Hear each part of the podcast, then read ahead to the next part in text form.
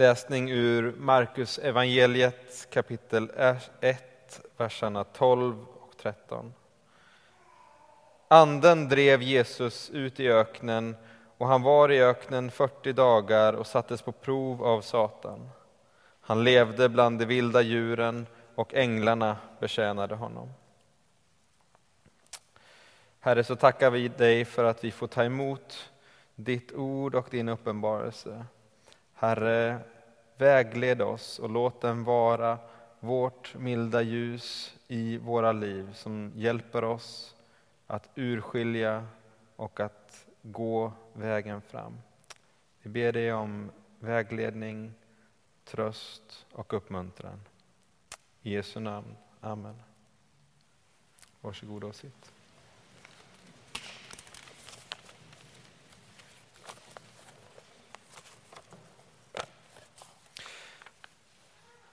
Denna vecka leder Anden Jesus ut i öknen. Och vi som är kallade att gå i Jesu efterföljd, vi får följa honom i hans spår också dit.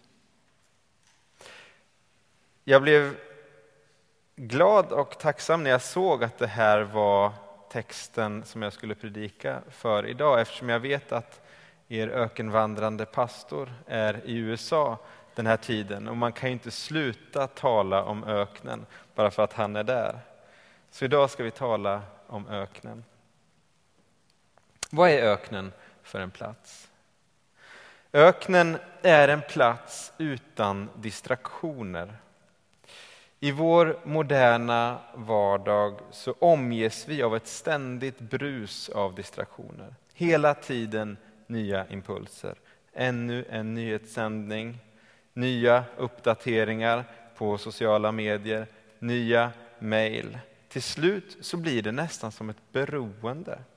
Vår hjärna vänjer sig vid att hela tiden stimuleras av något nytt och vi förlorar förmågan att koncentrera oss, vi förlorar tålamod. Många av oss blir väldigt rastlösa om vi tvingas vara utan våra smartphones en eh, längre tid.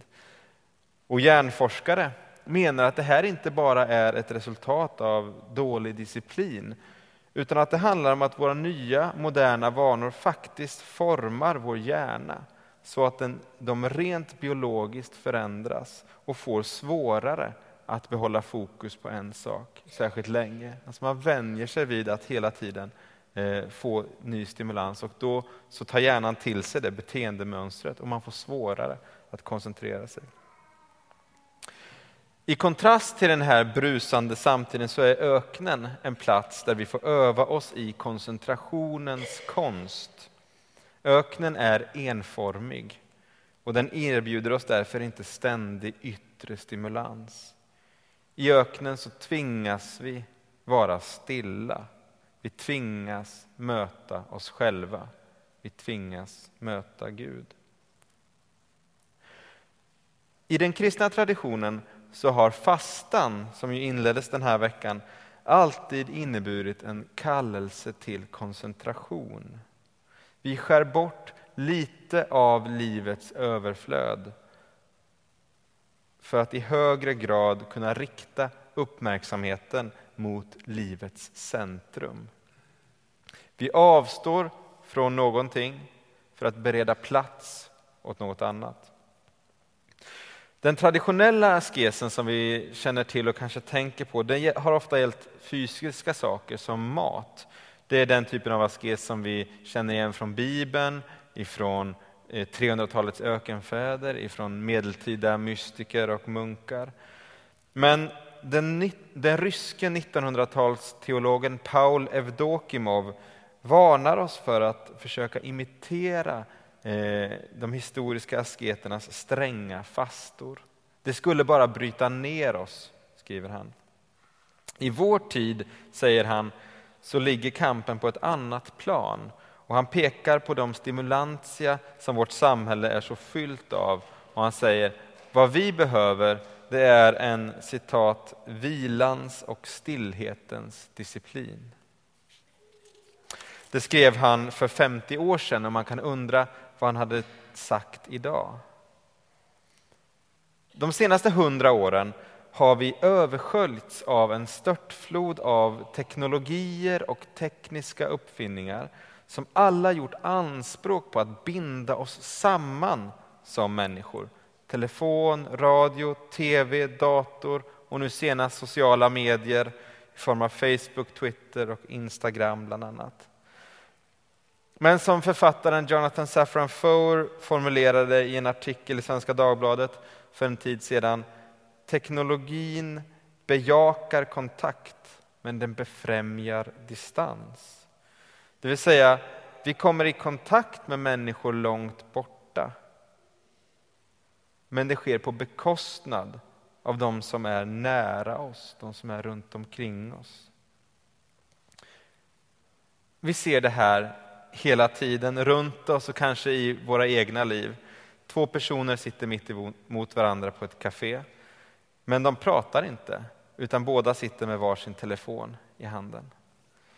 En förälder är ute och går på stan med, med en barnvagn och talar, men inte med barnet, utan med någon annan långt borta i telefonens hörselsnäcka.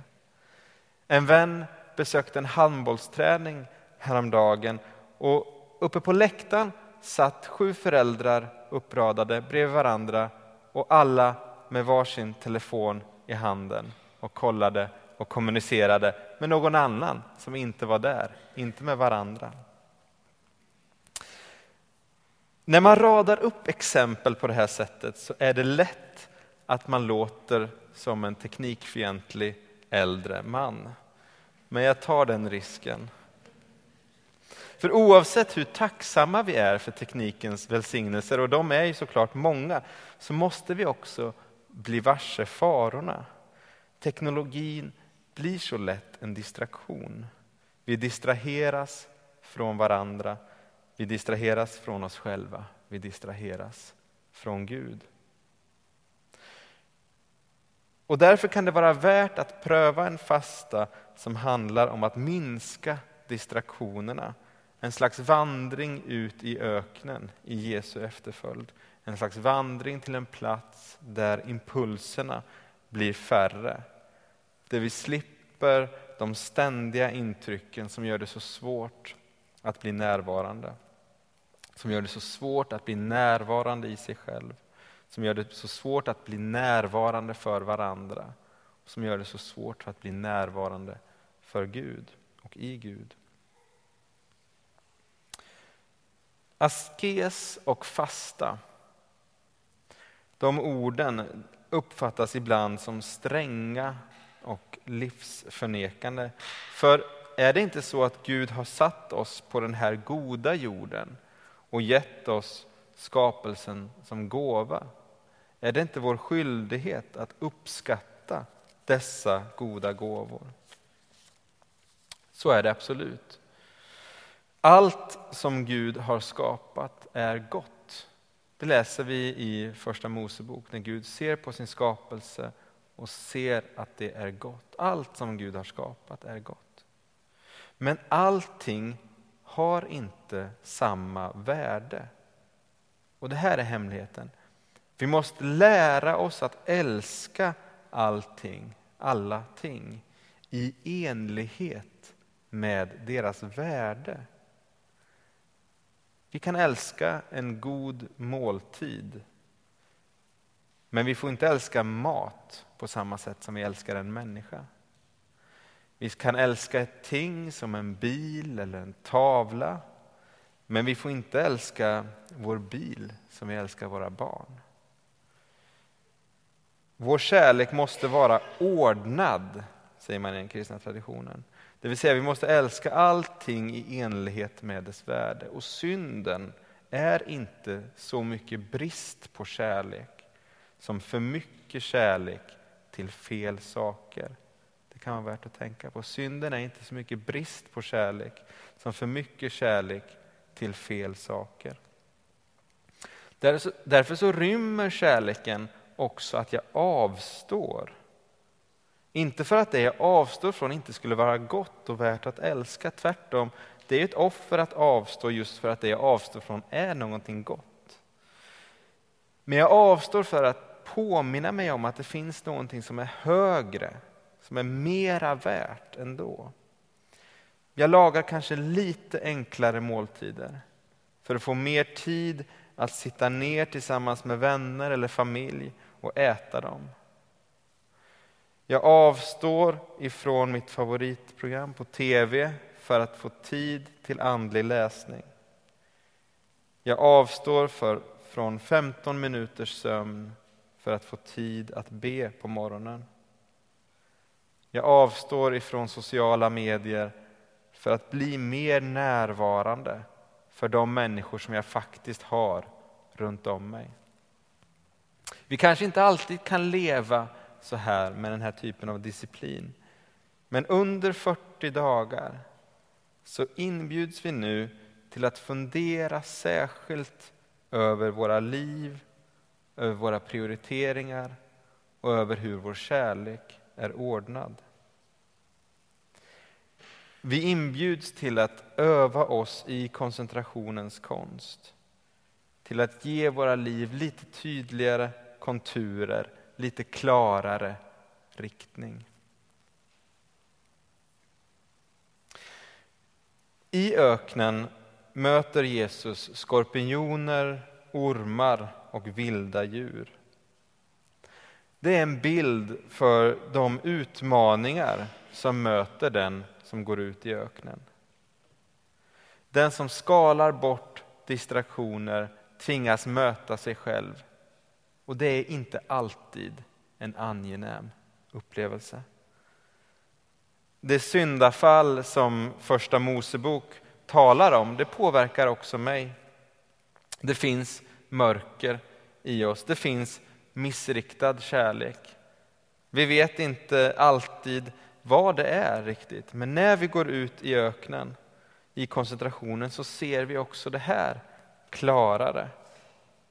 Vi ser vad som binder oss, vad vi behöver göra upp med i våra liv. Det finns givetvis förlåtelse för våra brister, men frälsningen är inte bara en juridisk domstolsprocess som slutar med att vi frikänns. Frälsningen innebär också en möjlighet till helande, till återställelse, till förvandling. Jesus möter inte bara de vilda djuren i öknen, utan han betjänas också av änglarna. Det här är en bild för restaurationen, för det helande som är möjligt i öknen. Återställelsen av avbilden i vårt inre, den som raserades i fallet. Öknen är inte en öde plats, även om det kan verka så först. I öknen läser vi i Bibeln så öppnar Gud fördolda källor. I öknen så låter Gud sitt manna falla från himlen. I öknen så reser han himlastegar.